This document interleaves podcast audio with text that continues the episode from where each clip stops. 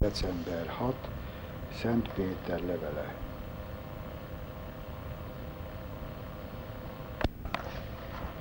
Az Atya, a Fiú és a Szentlélek nevében. Amen. Mindenható mennyei Atyám, Te a Szentlélek fölvilágosításával tanítasz minket gyermekeidet. Kérünk, add meg nekünk, hogy szent lelked által megismerjük, ami igaz, megszeressük, ami helyes, és örvendjük szüntelen az ő vigasztalását. Krisztus, ami Urunk által, Amen. az Atya, a Fiú és a Szentlélek nevében. Amen. Dicsértessék a Jézus Krisztus. Amen. Az első Péter levél második fejezetének az elején, amint a múlt alkalommal látok, amíg emlékezünk rá, a szinte nehéz fogalmakkal próbálja kifejezni azt a nagy méltóságot, amire a Krisztusi megváltás fölemelte a Krisztus hívőket. Ők már valóban Isten tulajdonul kiválasztott nemzetségéhez, a királyi papsághoz és a szent néphez tartoznak. Ezért pillanatra sem szabad elfelejteni, mert ez teszi őket igen-igen.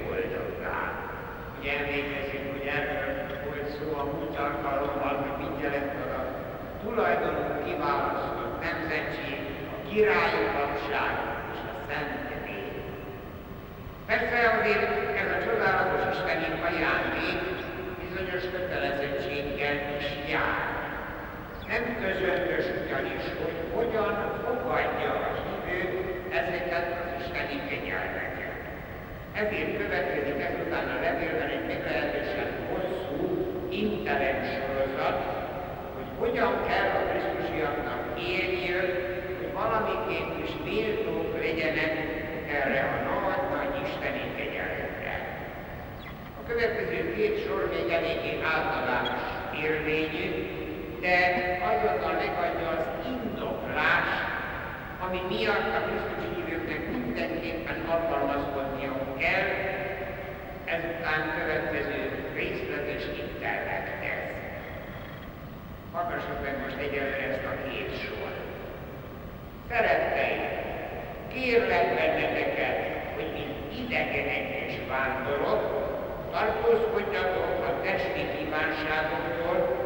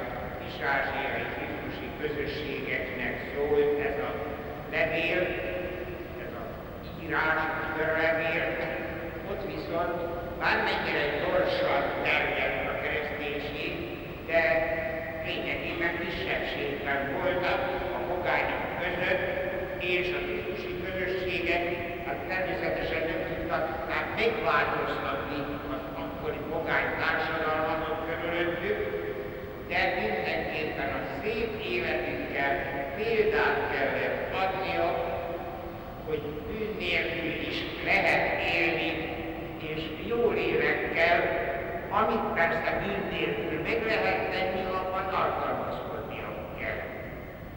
Figyeljünk meg, hogy itt a Péter levél nem említi azt, hogy hát lehet olyan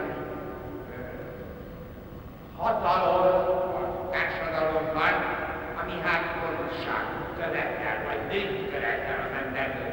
Itt arra egyáltalán nem ér ki a Péter levél, amikor a folytatásban azt mondta, hogy hogyan kell alkalmazkodni az állami hatalomhoz. Olvassuk csak el a következő négy sor. Urunk Jézus kedvéért engedelmeskedjetek minden emberi hatalomnak, akár a császárnak, mint legfőbb hatalomnak, akár a helytartónak, akiket helytartóknak, akiket azért küld, hogy a panaszokat megbüntessék, a jókat pedig kibüntessék. Isten akarata ugyanis az, hogy tetteitekkel némítsátok el az ostoba emberek tudatlanságát. De ne felejtjétek, hogy mi szabad emberek vagytok, nem úgy ugyan, hogy szabadságotokat a gonoszságaitok takarójának használjátok, hanem úgy éljetek vele, mint Isten igazi szolgái. Becsüljétek, becsüljetek meg tehát mindenkit, a testvéreket köszöntsétek igen nagy szeretettel, féljétek az Isten, és tiszteljétek a császár. A római birodalomban, hogy a császár volt a legfőbb hatalom, a helytartó, bizonyos helyeken, ugye a császárnak a képviselője volt, ott a helytartó volt a legnagyobb, legfőbb hatalom. Ezt éppen az Jézus kedvéért kell elismerni, tehát a Péter levél tulajdonképpen azt hangsúlyozza, hogy jó állampolgárnak kell lennie a Krisztus hívőknek is. Hiszen Jézus sem vázott föl, sem a zsidó vezető, sem a római megszállók ellen. Ő is elismerte, hogy az emberi társadalomban igenis kell valami hierarchia, kell valami vezetés, még a lázadó, lázadóknak akaróknak is hát azt mondta az Úr Jézus, hogy adjátok meg a császárnak, ami a császári. És akkor Jézus sem mondta azt, hogy hát itt most jó császárról van szó, vagy rossz császárról van szó. Az első Péter levél sem említi a zsarnokokat, a diktátorokat, ő csak a hatalmat említi, ami természetesen gonoszságot is követhet el, és bűneket is kötelezhet, jogokat is sérthet. Viszont hangsúlyozza a levél, hogy éppen a polgári kötelességek mintaszerint teljesítésével lehet elnémítani minden ostoba elmarasztalást, ami kétségtelenül hát előfordulnak, sőt, a polgártársadalomban nagyon sokszor elő is fordultak. Nagyon világosan kell látni, hogy a mintaszerű élet az a legjobb gyógymód az egyházzal szembeni rossz indulattalaknak. Ez azért nem szabad elfelejteni a Krisztus hívőknek, hogy ők a keresztségük nyomán a Krisztusi szabadságot elnyerték, a keresztények között nincs semmiféle különbség szabadok vagy rabszolgák, zsidók vagy pogányok, de ez a keresztényi szabadság nem ment föl az állam erkölcsi törvényei alól. Felelősség teljes életet jelent, és ezt hangsúlyozza ezekkel a szavaival a Péter levél. Becsüljetek meg mindenkit, a fele barát szeressétek nagyon, urat pedig tiszteljétek.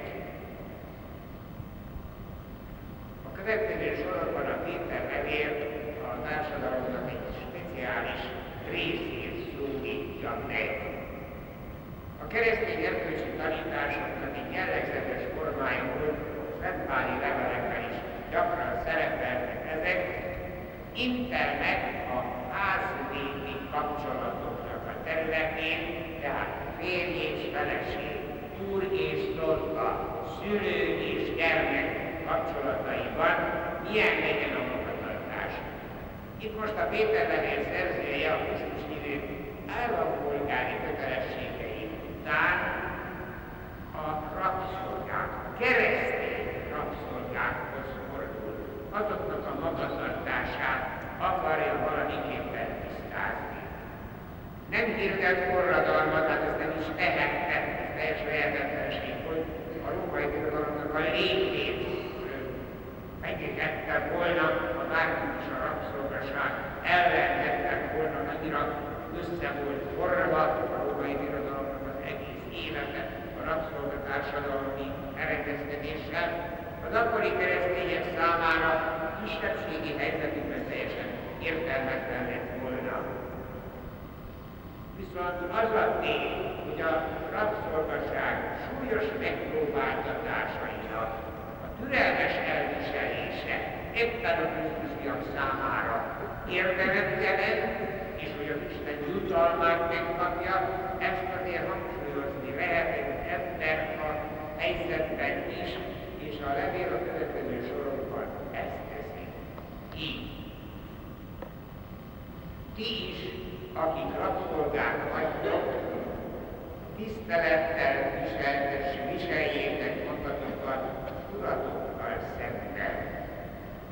Ne csak a jókkal és az engedékenyekkel, hanem még a szigorúakkal szemben is. Mert akik Istenre való tekintettel türelmesen elviseli a bántalmakat, ha igaztalanul szenved, érdemet szerez Isten előtt. Nem dicsőség, ha gonoszságaitok miatt büntetnek és harcul ütnek titeket.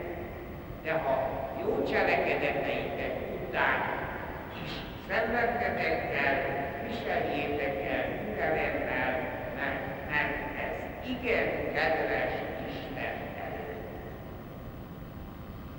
Tehát még a polgári felelősségnél is tovább megy a rabszolgákkal kapcsolatban ez az interem, hogy teljes tisztelettel és engedelmességgel legyenek uraikhoz. A levél teljes mértékben elismeri azt, milyen nehéz a rabszolgáknak a helyzete, központi témája éppen a szenvedés. Ezeket nekik is, mindenkinek Istenre való tekintettel, türelmesebbel elviselnie. Itt nagyon érdekes a különbségtétel, hogyha a gonoszságaitok miatt adjátok a büntetést, az persze teljesen más. De ha igaztalanul, ártatlanul ér titeket bántalom, ezt a szenvedést pontosan türelemmel, Krisztusi türelemmel kell elviselni. Ez Isten előtt külön érdemszerző cselekedetnek számít. Csak mellékesen jegyezzük meg, hogy nekünk manapság eléggé nehéz elképzelni az akkori rabszolgatársadalomnak a mentalitását. Ebben az időben még a tudós görög római bölcselők is a világ legtermészetesebb lényének tartották az emberek közötti óriási különbséget, hogy vannak szabadok és vannak rabszolgák. Ezt a bölcsödet is egyszerűen elfogadta egy Platón, egy Seneca, egy Szokrates, egy Arisztotelész, ezek elfogadták. Krisztus egyháza nagyon nehéz helyzetben volt, mert egy pillanatra nem engedett abból, hogy Krisztus egyházában megkereszteltek egyenlő. És ez nagyon-nagyon komoly problémát jelentett, mikor az eucharisztikus ünneplésnél, tehát az utolsó vacsora megünneplésénél egy asztalhoz ült a szabad is, meg a rabszolgat is, hogyha megkeresztelt volt. Én tudjuk, hogy Pálapostól is ezt, külön kiemeli a politikusi levélben, hogy erre nagyon vigyázzatok, mert a Krisztus hívők azok egyformák, akár szabadok, akár rabszolgák. Csak egyet mondok például, a római jog egyszerűen nem ismerte el egy rabszolgának egy szabaddal való házasságkötését. És a katolikus egyházban, tehát a Krisztusi egyházban, még a harmadik században is bizony nehézség volt, szorgalmazni kellett nagyon komolyan, igenis, egy rabszolgának és egy szabadnak a házasságkötése érvényes, tehát fölmondhatatlan. Mert ugye éppen a fölmondás problémája jelentett egy igen, igen az értés. Azért mondom, hogy ez nekünk egy kicsit nehéz megérteni, de abban az időben annyira benne volt az embereknek a mentalitásában rabszolgaság, hogy azt az akkori világ fölfogása szerint ítélték meg. Ilyen körülmények között így az első század végén a Péter levél megpróbálja a rabszolgasorsnak a keserű tényét az apostoli igehirdetés fényében elviselhetővé tenni. Csak arra tudja fölhívni a figyelmet, hogy az Úr Jézus is igaztalanul, ártatlanul szenvedett, és utal arra, hogy pontosan ez az igaztalanul, ártatlanul való szenvedése produkálta, alkotta a legnagyobbat az emberiségnek a megváltását. A következő sorokban ezt világítja meg a legjobb. Hallgassuk csak meg. Ne felejtjétek, rabszolgák, hogy éppen erre kaptátok a meghívást. És Krisztus is példát adott, hogy nyomába lépjetek. Ő midőn szidalmazták, nem viszonozta. Amikor szenvedett, nem fenyegetőzött. Védkeinket saját testével fölvitte a keresztfára, mi a sebei nyomán gyógyultunk meg, hogy mi is meghalljunk a bűnnek, és igaz életet éljünk.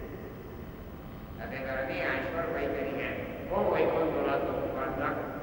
A keresztény rabszolgának is minden kereszténynek kifogástalan erkölcsi életet kell élnie, így kiküszöbölheti az életéből azt a szenvedést, ami jogos büntetés a helytelenség, a helytelen magatartásra szemben. De az ártatlanul szenvedő rabszolgák egyre hasonlóvá lesznek Krisztushoz, akinek példáját a Péter a Izrajási szenvedő szolga, Izrajás a úr szenvedő szolgájának a tükrébe mutatja be. Krisztus teljesen ártatlan volt, helytelen nem cselekedett, hamisat nem mondott, amikor szenvedett, egyszerűen nem hárította el magától a fenyegető veszélyt, a keresztény rabszolgának is Krisztusnak ezt a nyilvánvaló példáját, ezt kell követni, erre levél. Így tudjuk csak megélni a Krisztushoz való hasonlóságunkat, amit tulajdonképpen a keresztség szentségében már megkaptunk, de ezt realizálni kell a saját életünkben. A végén külön kiemeli a szerző, hogy Krisztusnak éppen a szenvedése által nyert megváltást az egész emberiség, és a rabszolgák és szenvedéseikkel keresztül juthatnak a leghatározottabban Krisztushoz való megtéréshez, és megkapják bűneik bocsánatát és örök életet. Érdekes megjegyezni azt, hogy a levél kicsit furcsának tűnik nekünk, hogy a Péter levél csak a rabszolgák feladatairól, a rabszolgák engedelmességéről szól. És nem szól az urak feladatáról, a gazdái feladatáról. Lehetséges persze, hogy a kisártyai közösségekben a szegények emberek voltak, hogy nem voltak keresztény rabszolgatartók, és ezért tehát fölösleges volt erről írni. Ez lehetséges, ezt már most kicsit nekünk eléggé nehéz. Azt tudjuk, hogy a Szentmári levelekben a, a rabszolgatartó uraknak is nagyon komoly figyelmeztetések hangzottak el keresztény rabszolgatartóknak, hogy a pogány rabszolgatartóknak nem tudnak hozzászólni. De itt a Péter levél tulajdonképpen erről nem beszél. Mondom, minden valószínűség szerint szegényes sorsúak voltak a Krisztusi közösségek, ahol rabszolgatartó keresztények nem jártak. Ezzel már túl vagyunk az első Péter levél első felén. Foglaljuk össze pár szóban, miről is volt idáig szó, mert azért nagyon sűrítve tud egy-egy ilyen levél különböző kérdésekre fel lehet adni. Már az első mondataiból megtudtuk, hogy ez az irat tulajdonképpen nem egy Krisztusi közösségnek szól, hanem egy sereg kis-ázsiai közösségnek. Őket szólítja meg a szerző, hogy a mennyei atyától meghívott Jézus Krisztustól, a fiútól megváltott, a Szentélektől megszentelt életet. Mindjárt dicséri is őket, hogy nem látták Jézust, de hisznek benne az apostoli igehirdetés alapján. És ez a hit őket megmenti, igazi szent életre hívja őket. Erre váltolta meg őket saját vére árán Krisztus, az igazi húsvéti várán. És ezzel lettek ők a szegletkőhöz ragaszkodó és a szegletkőre épülő, élő kövek, mint Isten temploma. A kis-ázsiai idők az élő kövek, ők a kiválasztott nemzetség, a királyi papság, szent nép. Igazán szép életet kell élniük a pogányok között, hogy azok látva tetteiket ne csak meg elhallgassanak a rágalmaikkal, hanem valójában még dicsőítsék is az Isten. A keresztény rabszolgáknak pedig csak azt tudja mondani, hogy a szenvedések, elviselések, az igaztalan, az ártatlan szenvedéseknek, a türelmes elves elviselések nem csak érdem, ami jutalmat kap az Istentől, közelebb és hasonlóvá tesz bennünket, vagy a rabszolgákat a megváltó Jézus Krisztushoz. Ennyi volt az eddigiekben, a továbbiakban is számos gyakorlati internet szerepel a levélben, de ezekről majd a jövő szerdán, a második hetében. A következő fejezet a családokról szól, és olyasmiket mond, ami valóban nekünk is nagyon-nagyon hasznos, ha egy kicsit át elmérkedni. De addig is áldjon meg bennünket a mindenható és irgalmas Isten, az Atya, a Fiú és a Szentlélek. Dicsértessék a Jézus Krisztus. Következik 2000. december 13. első Péter levél, hatodik rész a családokról. 13-a. Lacidatja előadás sorozata a katolikus levelekről. 13. rész.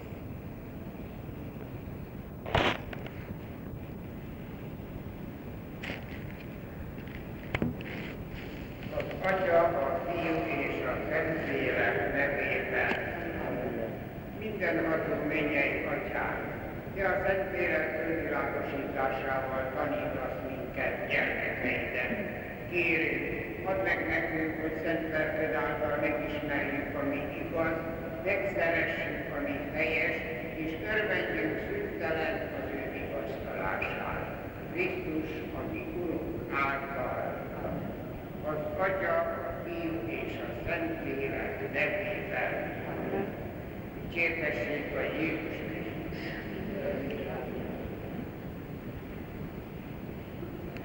Az első Péter levél eddig elemzett első két fejezetében láttuk, hogy a szerző a magányok között élő kis-ázsiai Krisztus hivetet akarja megerősíteni hitüknek, és különösen azokat a kérdéseket akarja tisztázni, amelyekben a közöttük járó tanító zavart keltettek.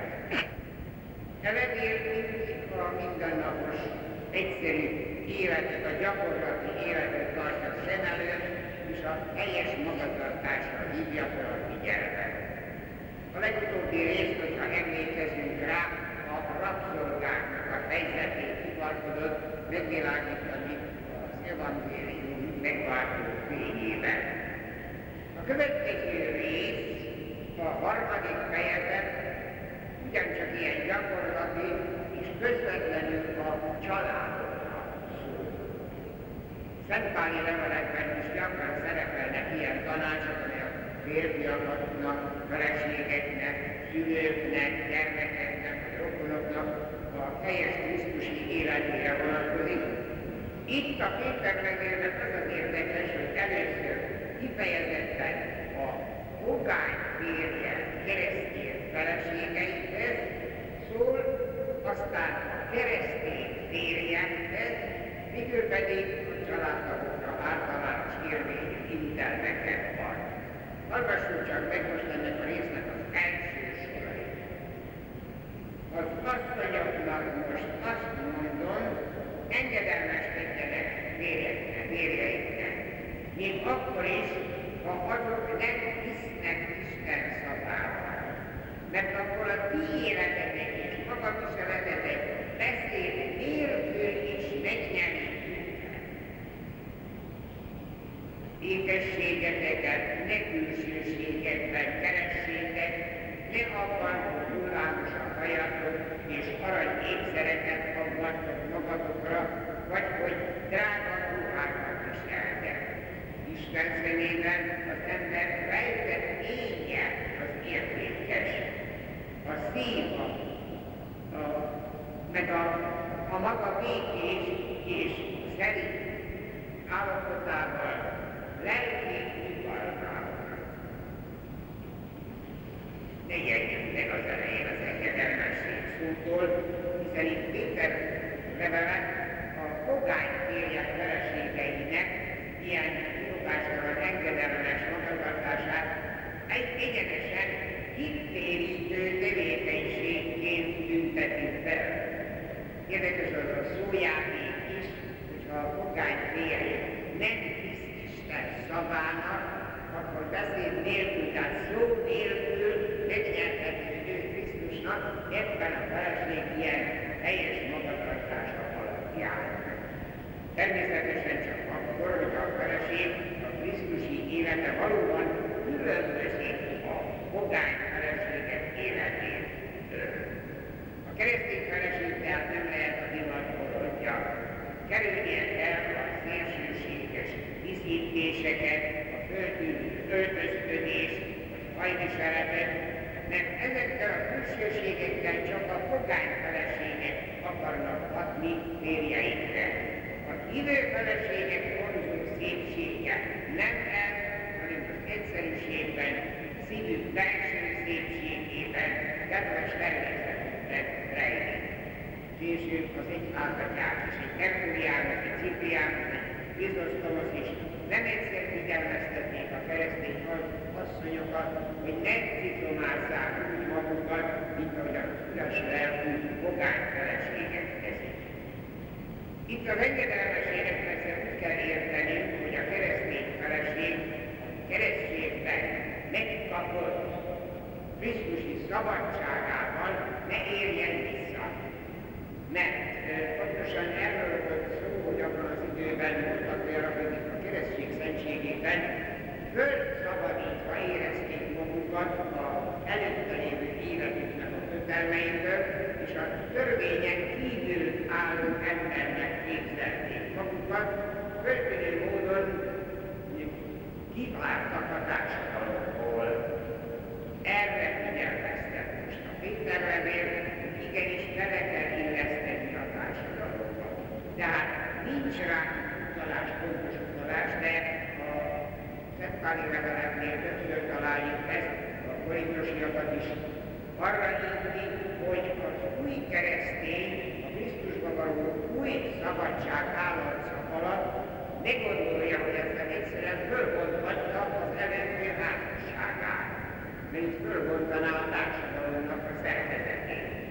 Nem szabad elfelejteni, hogy a ma hangoztatott egyenjogúság az időben teljesen ismeretlen fogalom volt, de erre a keresztény feleségek kifogástalan életére mindjárt példát is hoz a Péter levél, nagyon érdekesen folytatja.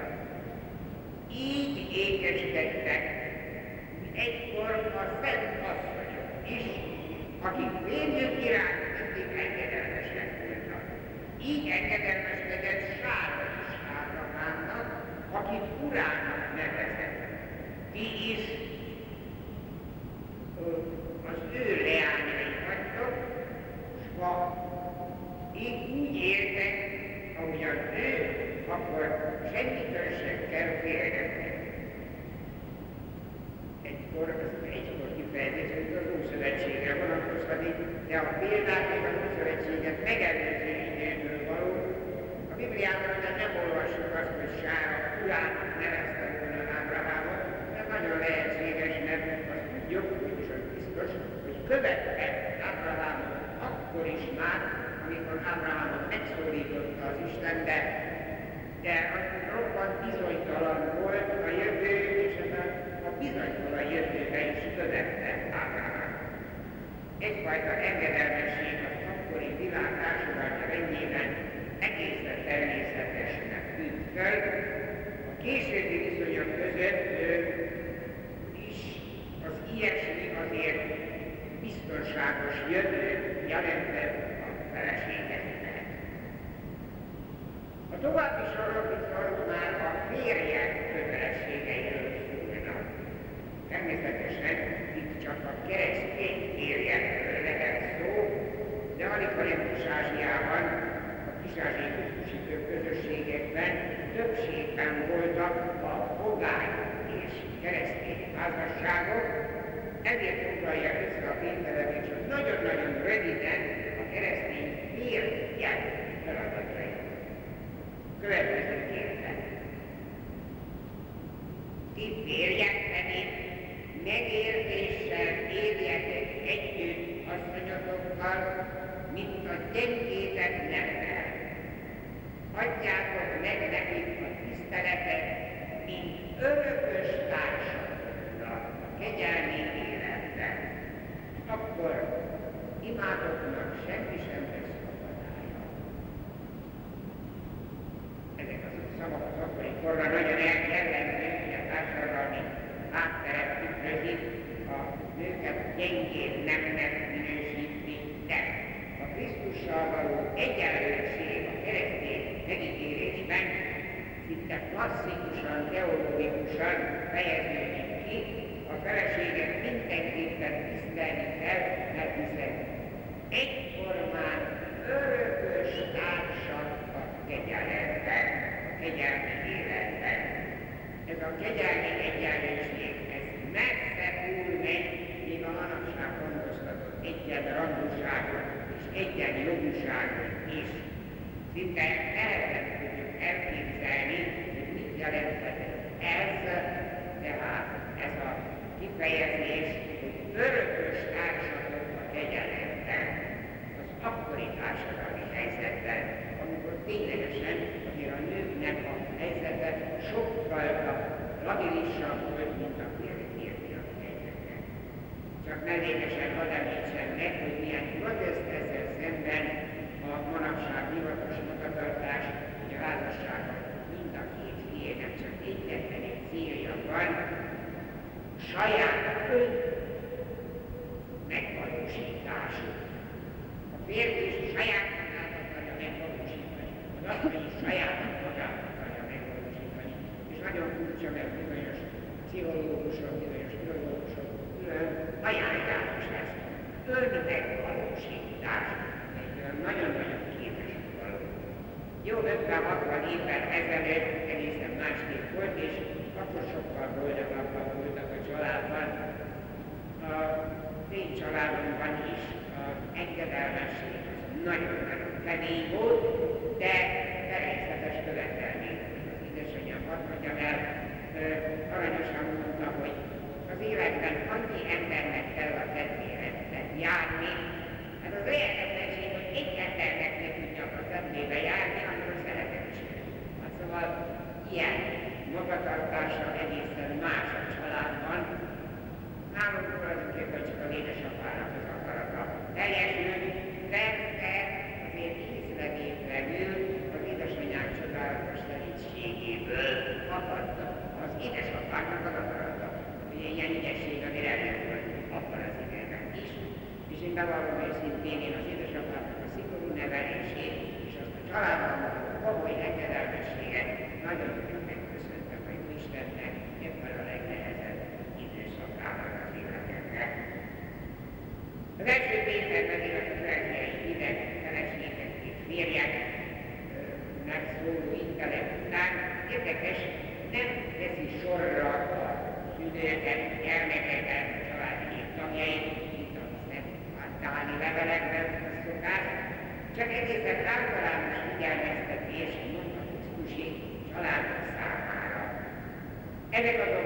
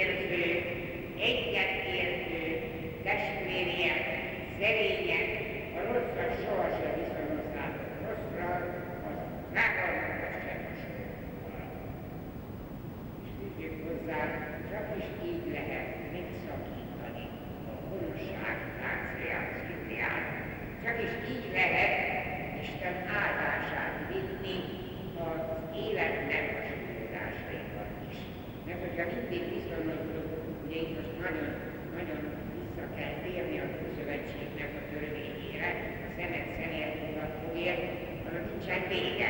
Tehát mindig ugye tovább bonyolódik a dolog, egy láncreakcióval folytatódik, annak a megszakítása.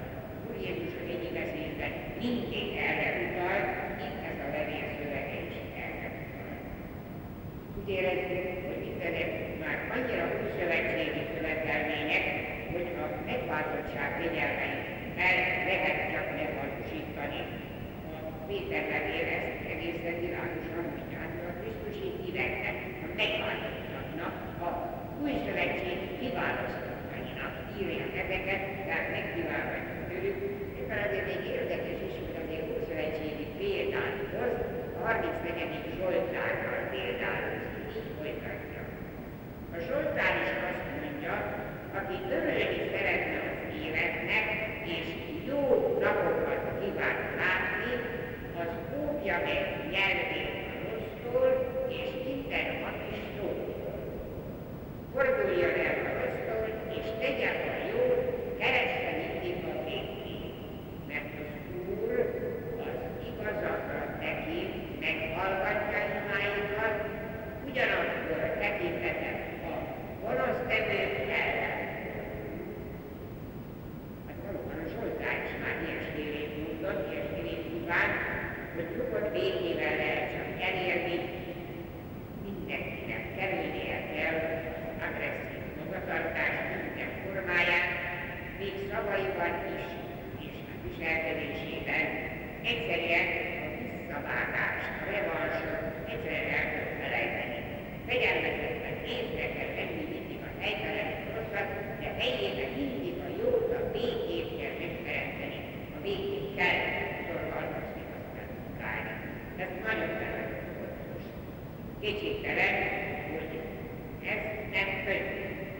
De a Zsoltár azzal támasztja a követelményeket, hogy az Isten előtt is csak ez kedves, csak is ez remélheti, hogy kéréseit meghallgatja az Isten, mert ha így irányítja az életét, akkor ne várjon az Istentől semmiféle segítséget. Természetesen még a példás életnek is, ami megvan a maga ára. Erre már a Úr Jézus is nem egyszer nyíltan utal, most a Péter levél is egészen világosan mondja, hogy a keresztény valóság egyszerre Istentől való csodálatos kiválasztottság, de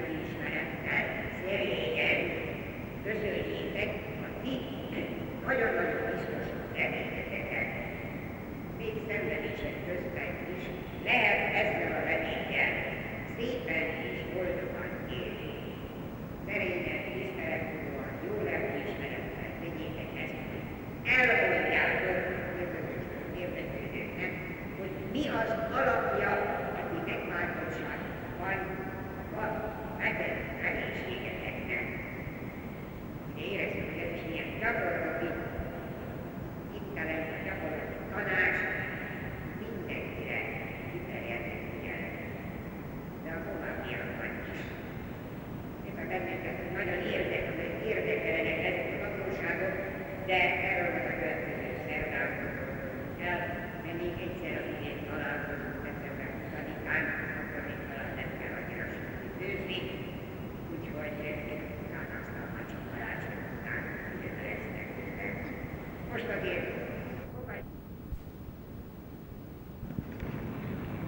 2000. december 20-a Laci Zatya sorozata a katolikus levelekről, 14. rész.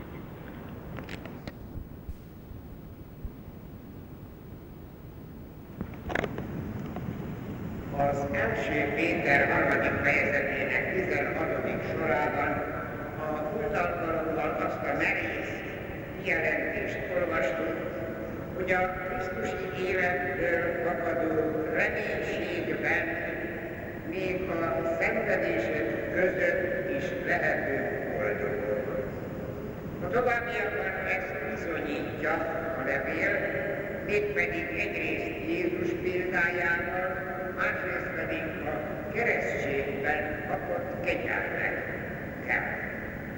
A levél szövege itt egy kicsit bonyolultá válik, nem minden pillanatban első olvasásra, de próbáljuk meg megérteni igen-igen mély tartalmát. Így folytatódik az első Péter levél. Ne féljetek attól, a jó cselekedeteitek miatt szenvednetek kell. Hiszen Krisztus is a mi bűneinkért halt meg, az igaz a bűnösökért, hogy minket Istenhez vezessen. De csak teste szerint ölték meg, a lélek szerint viszont életre kell. Isten Noé idejében is türelemmel várt, amíg a bárka elkészült, de aztán benne nyolcan megmenekültek az ős, az özön vízből. Ez a keresztséget jelképezte, ami megtisztít, ami, aminek titka megtisztít bennünket Krisztus föltámadása által. Ő aztán, miután fölment a mennybe és uralma alá vette az ég angyalait is, a Jóisten jobbján foglalt helyet.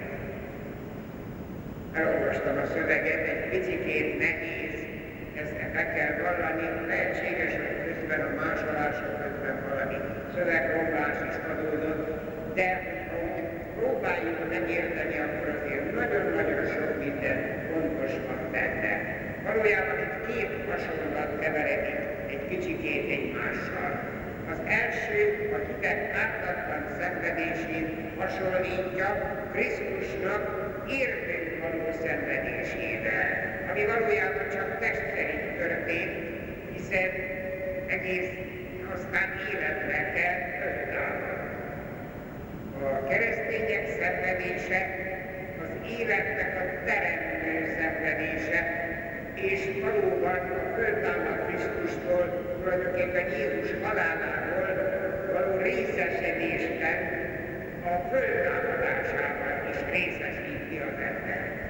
Tehát itt a hasonlat a szenvedő ember és annak a boldogsága, a szenvedő Krisztus és a föltámadása, az örök boldogság. De ide kapcsolódik a második hasonlat is, ami a kereszténység első évszázadaiban igen ismerős hasonlat volt, a vízözönlő Noé bárkájáról. Noé bárkájában megmenekült embereket, a választott néphez hasonlították, bűnök tengeréből ők a választottak, akik Noé bárkájában, tehát Isten országában választottként megmenekülnek. Ez természetesen a keresztények között a keresztség szentségével kapcsolódott. Ez egy olyan adomány volt, ami ösztönzés volt a húsvéti misztériumban való belekapcsolódásra. A megkereszteltek orcoloznak Krisztus szenvedésében, a keresztség szentségében, de osztoznak az új életben, és ezért osztozniuk kell természetesen a Krisztus szenvedéseiben is. Tehát itt a hasonlat megeredik tulajdonképpen a Noé márkájában való megmenekülés és a keresztség szentsége hasonlata, azzal a hasonlattal, hogy igenis Jézus szenvedése alapján dicsőült meg. A keresztség a szenvedésbe kapcsol bennünket, hogy megdicsőülhessünk az új életben, de természetesen ez magával meg magával hozza a szenvedést is. Ez a néhány szó lényegében arra akar figyelmeztetni, hogy a megkeresztelt hívek, mint az övönvízből kimenekültek, a szenvedéseikben is Krisztus szenvedésébe kapcsolódnak, és természetesen a föltámadásában is részt vesznek. Ez kizárólag Jézus Krisztus megváltásának eredménye, ezt a szöveg külön nem rövidíti, de magától értető.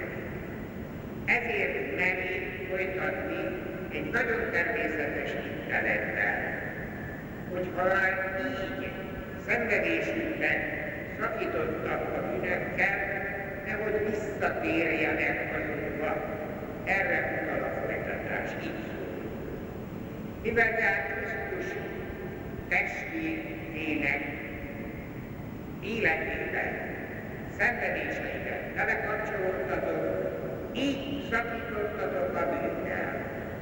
Ti is hasonló érzülettel most már ne emberi vágyaitokat követve éljetek, hanem kizárólag Isten akarata szerint.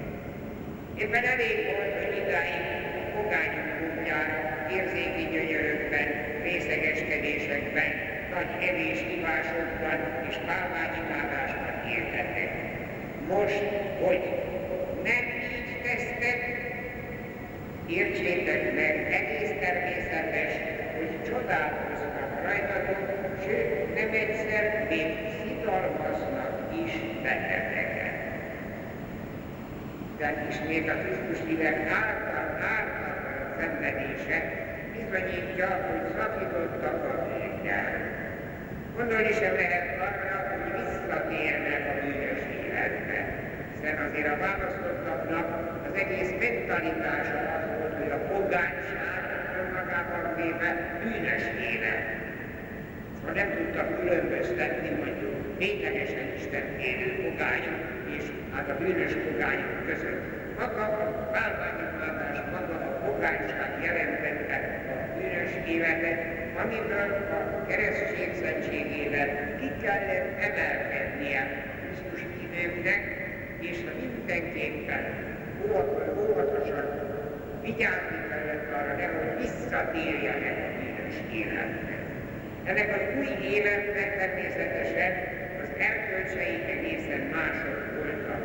Az első ige hirdetése ténylegesen kényszerű egy erkölcseiben kontraszt társadalmat hirdetti, aminek természetesen megvoltak a következményei, hogy elváltak a pogányoktól, hát, megvetették, vagy megrágalmazták, meg érezték, hogy ők különbek akarnak lenni náluk. Az örök élet részesei lesznek, akkor, hogyha ezeket a támadásokat, vagy rágalmakat türelemmel elviselik. Nem úgy, mint a pogánytársai, akik majd keményen megbűnődnek az ítéletnél. Erre utal a levélnek a következő mondata egészen hirtelen. Így folytatódik. Nekik is majd számot kell adniuk az előtt, aki ítélkezni fog élők és voltak fölött. Az evangélium ugyanis azért hangzott el előttük is, hogy mindenki Isten kegyelmében éljen a lélek által. Mindjárt figyelmezteti a fogányokat is ez a hogy tulajdonképpen a, a Krisztus hívőknek íródott, de megemlíti, hogy a fogányoknak is számot kell majd adniuk, előtt az ítélő bíró előtt, aki ítél eleveneket és voltakat, hát a legősibb vallásban már így szerepel, hogy eljön ítélni élőket és voltakat.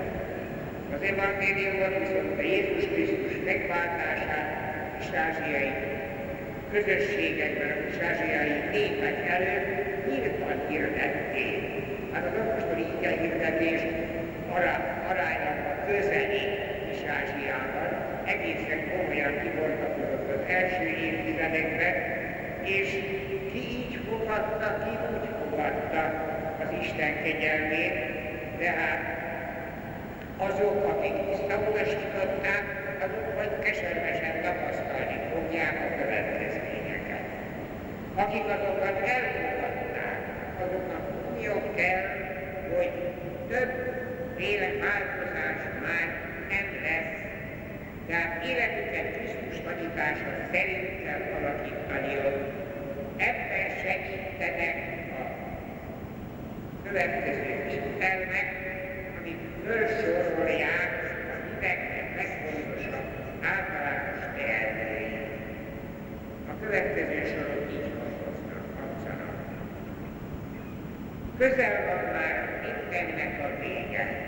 Legyetek már okosak és éberek, és imádkozzatok. De mindenek előtt szeressétek egymást hűségesen, mert a szeretet betölti a bűnöknek a sokaságát is. Az első Krisztusi közösségekben egészen közel időben Krisztus dicsőséges újra eljövetelét, amikor az első Péter levél íródott, akkor már azért többé-kevésbé tudták, hogy ez a várakozási idő elhúzódik, mert Jézusnak a dicsőséges eljövetele, ami az ítéletet jelenti, az nem a közel jövőben történik, de az egyes ember számára viszont egészen közel, egészen lehet, mert egyes ember számára az a halál pillanatával megtörténik. Erre már úgy kezdtek ráébredni, hogy nem okvetlen szükséges a világ végén Jézus újra eljövetelét, dicsőséges eljövetelét várni, mert a számadás és az ítélet megtörténik az egyes ember életének a végén. Tehát minden időben számítani kell, tehát okosan kell élni, ébernek kell lenni, meg páratlan számadásra kell számítani. Imádkozni kell, készülni kell, kérni kell a kitartás kegyelmét. A személyes imádság kell, hogy igenis kapcsolatot, személyes kapcsolatot tartson állandó jelleggel a megváltó Jézussal. Ez az, ami Jézusnak a legfőbb tanítása volt, az egymás iránti szeretet, amire itt kifejezik, kifejezetten utalás történik, ezt egy pillanatra sem szabad elfelejteni.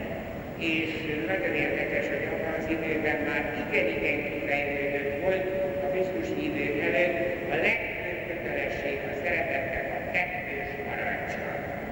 Az igazi testvéri szeretet olyan hatalmas, hogy még a bűnöknek a sokaságát is felül tudja múlni. Ezt a legelső időkben is hirdették. Pálapostól levelében négy helyen is utal erre, de az egyházatját is nagyon sokszor szinte váratlanul, szinte indokolatlanul hozzá, hogy a szeretetnek a cselekedetei befogik a bűnöknek a sokaságát.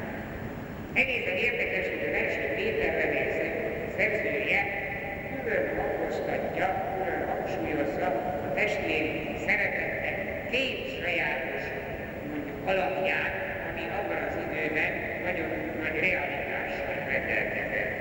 Az egyik a vendég szeretet, a másik a szolgáló szeretet. Hallgassuk csak meg a folytatást.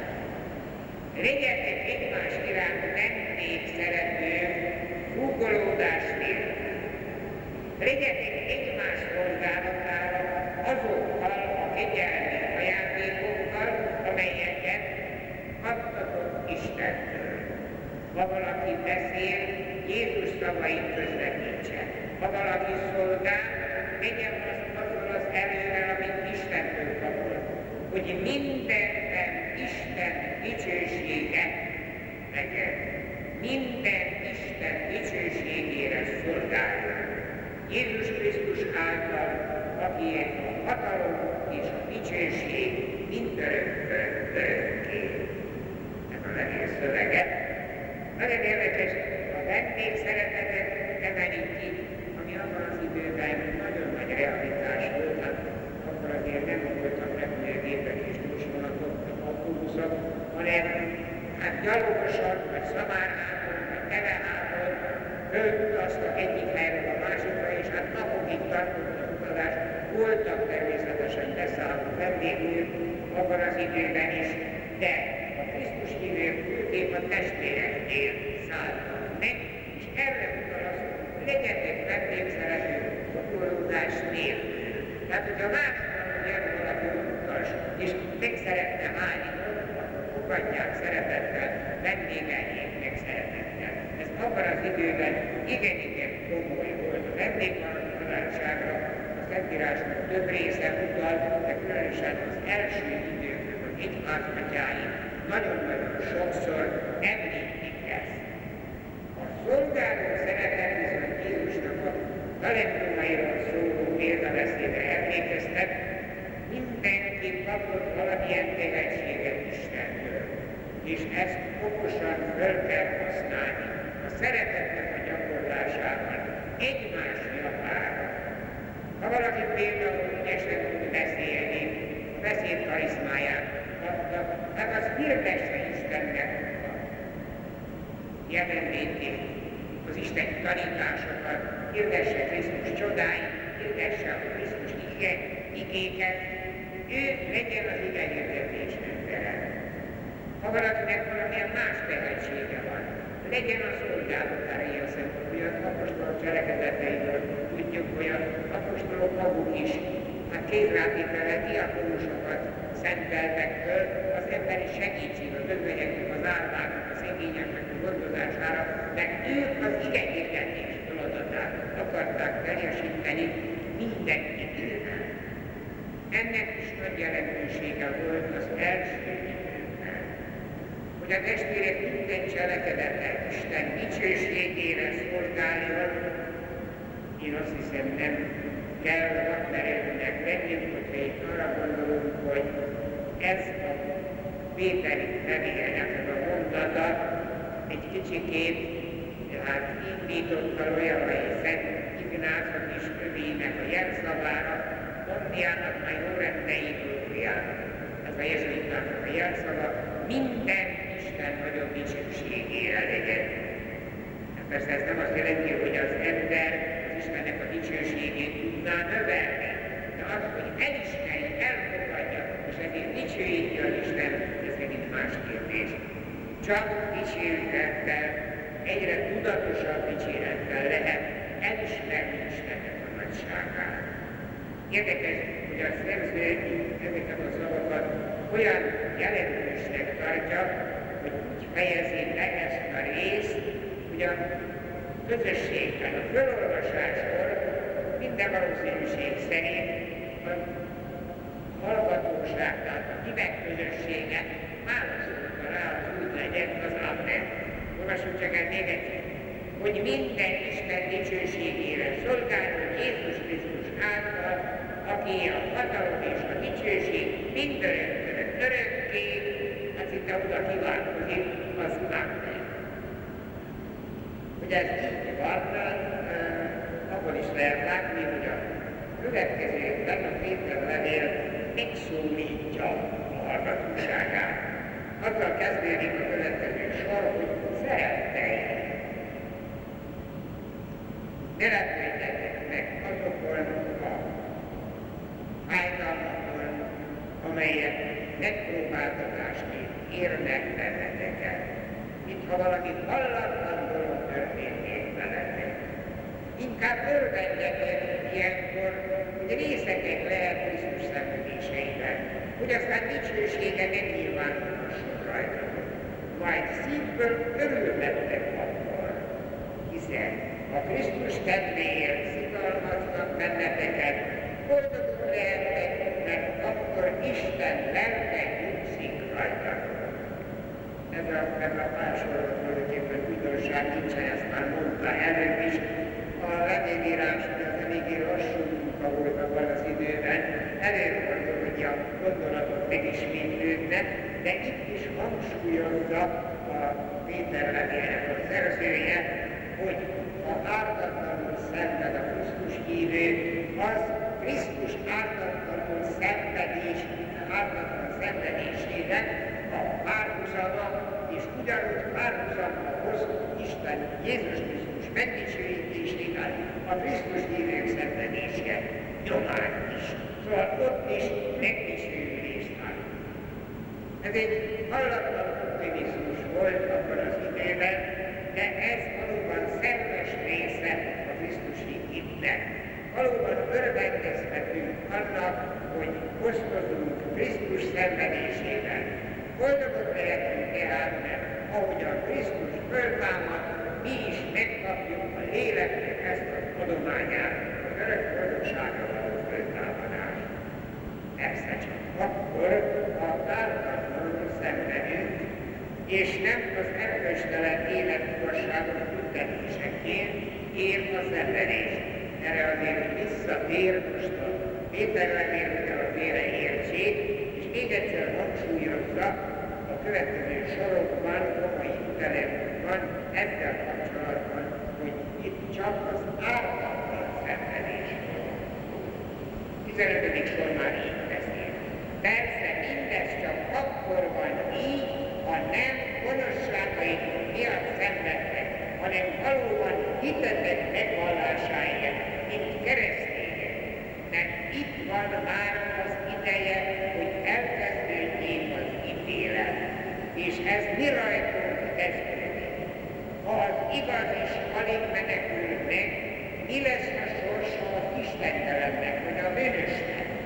Ezért azok is, akik Isten akarata szerint szenvednek, ajánlják magukat jó cselekedeteikkel a hűséges teremtőnek.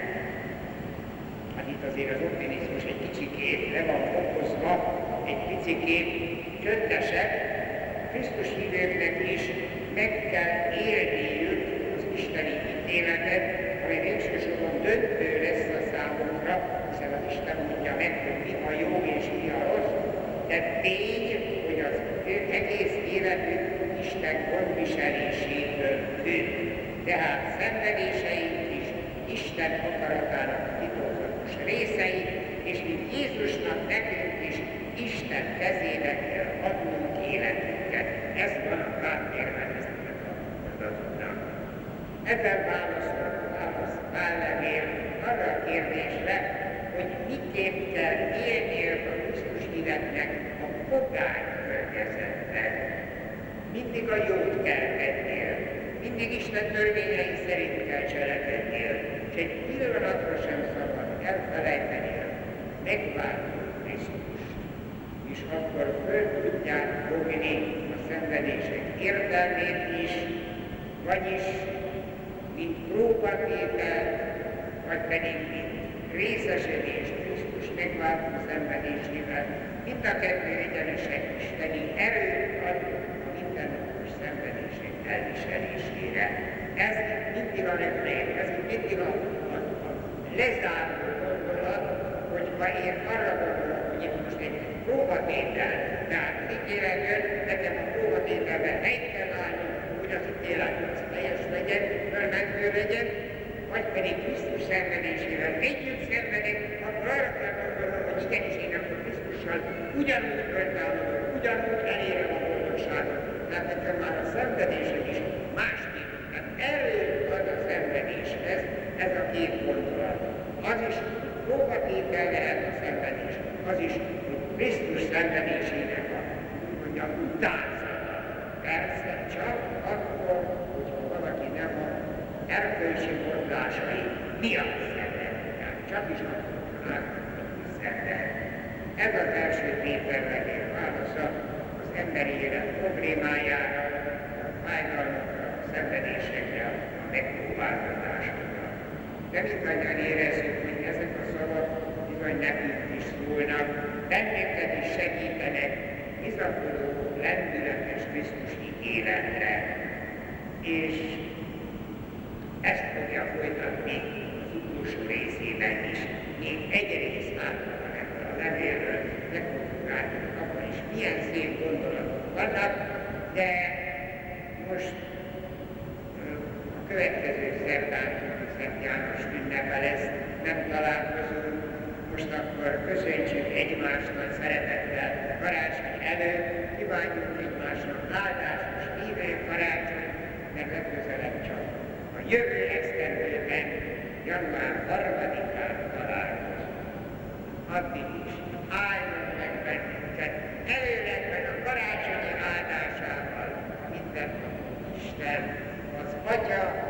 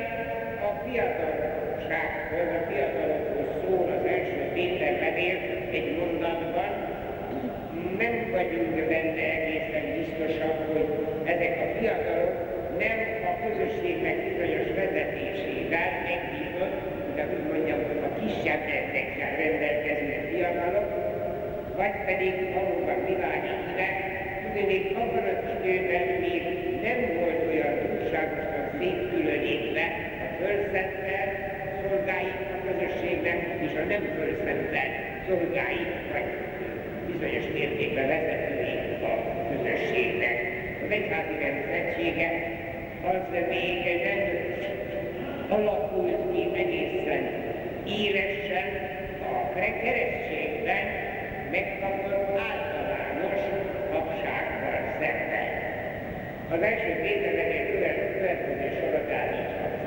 Ti pedig fiatalok, fogadjatok szót az előjáróknak, egymás iránt is viselhessetek mindig alázattal, mert Isten a kevés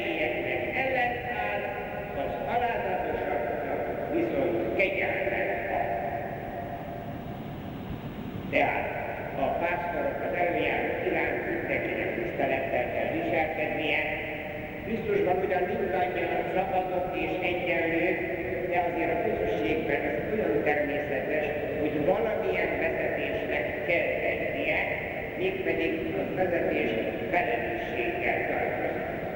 Az engedelmeskedés és a szolgálatban az alázatra való buzdítás nem volt ismeretlen abban az időben a hívek előtt, hát az Úr Jézus tanításában is számtalanszor szerepel, aki legnagyobb akar lenni, az mindenkinek legyen a szolgája. Szóval az alázat kevésség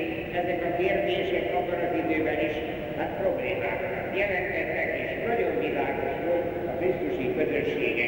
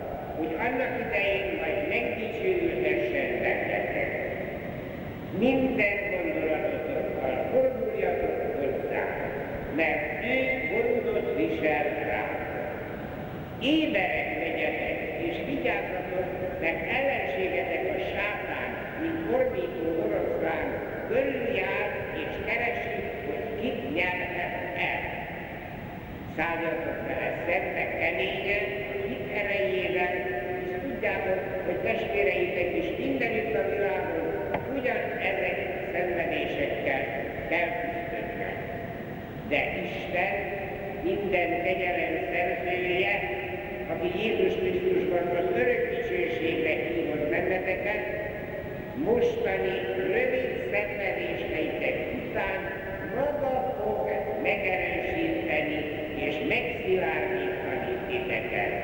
Neki legyen tehát dicsőség, és többé legyen minden hatalom mindöröktől örökké. Itt a levél először az ember gyengeségére, aztán a Isten hatalmára figyelmeztet, tehát bízni lehet, sőt bízni kell benne, hiszen számtalanszor megmutatta a szeretetét, a gondviselését. Természetesen mindig ébernek kell lenni. Ez érdekes, ez nagyon sokszor szerepel Pálapostól leveleiben is, de az Úr Jézus is többször visszatér, hogy vigyázzatok, legyetek éberek, nem lehet, hogy elszundikálni a Krisztus ígéretnek. Lenni, és ez a mondat, hogy meg ellenségetek a sátáni fordító oroszlán körülját, keresve, hogy kit nyeltek el, ez a Zsolosmának az esti imádságában is felekkelünk, úgyhogy ezt a, a Zsolosmára kötelező már naponként imádkozzák. Krisztus hívőkre azonban nem szabad elfelejteni, hogy magukat, őket maga az Isten hívta meg, tehát igenis a sátán akármennyire tudarkodik, akármennyire keresik azt, akit elnyelhet, ha egy picit éberek vagyunk, akkor mi tudunk győzni, nem a saját erőből, hanem a mindenható Istennek a törődéséből, a gondviseléséből, a gondoskodása alapján. A tehetetlen polgármesterségekkel szemben Jézus Istene igazán hatalmas, és eredetben hűséges és nagylelkű, teljesen bízni lehet benne. Mindig gondot visel, különösen azokban a pillanatokban, amikor az ellenség erőteljesen támad, tehát amikor veszélyben van a Krisztus hívő. Isten minden kegyelmet szerzője azt akarja, hogy boldogok legyünk, tehát bizalommal forduljunk, még a szenvedések idején is hozzá. Megment bennünket, magához emel bennünket, megerősít. Ez akarja hangoztatni a levélnek a néhány része. Legyen tehát dicsőség és hatalom nekünk mindenökön örökké, szinte érezzük, hogy erre, amikor a közösségekben fölolvasták, hát erre mindenki válaszolta azt, hogy úgy legyen, az A levélnek az utolsó sorai már csak bizonyos technikai hozzaratokat érintenek. Számunkra azonban nagyon érdekesek, mert ezekben ismertetnek a szerző az akkori keresztény irodalom sajátságával. A levél szerzője bevallja, hogy a levél írásához irodalmat alkalmazott, akkoriban ez egészen természetes volt, általában tanult rabszolgák voltak azok, akik a leveleket, különböző iratokat elkészítettek. Itt viszont bizonyos határozott célzattal neveznek a szerzők az iratát, mégpedig így. Ezt akartam nektek megírni Szilvánus segítségével, akit hű testvéremnek tartok. Hogy titeket bátorítsalak és biztassalak, mert ez az Isten kegyelme. Ebben tartsatok ki. Köszönt benneteket a hozzátok hasonlóan kiválasztott egyház itt Babilonban, valamint fiam már. Köszöntsétek egymást a szeretet csókjával, békesség nektek mindannyiatoknak, akik Krisztusban éltek. Amen. Ez a levélnek a befejezése,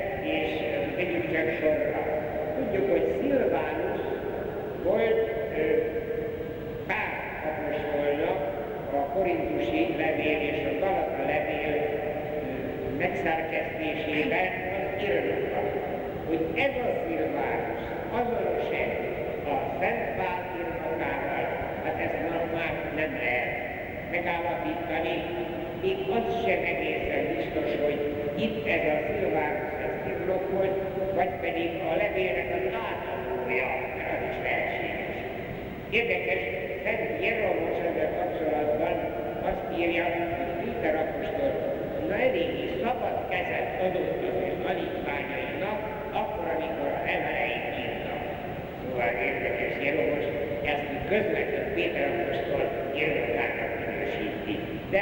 gazdagság pontosan meghatározott a helyet.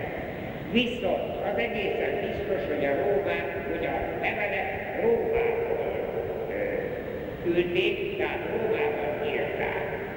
Bár itt Babilon szó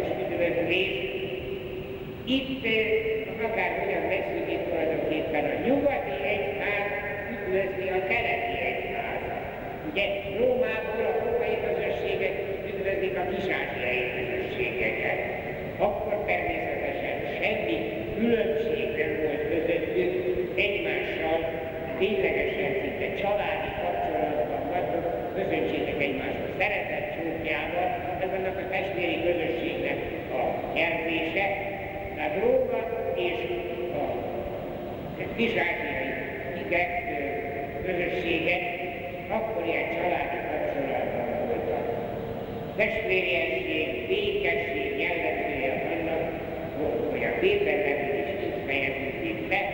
Szeretném azonban kiemelni az utolsó mondatot, illetve az utolsó előtti két szó.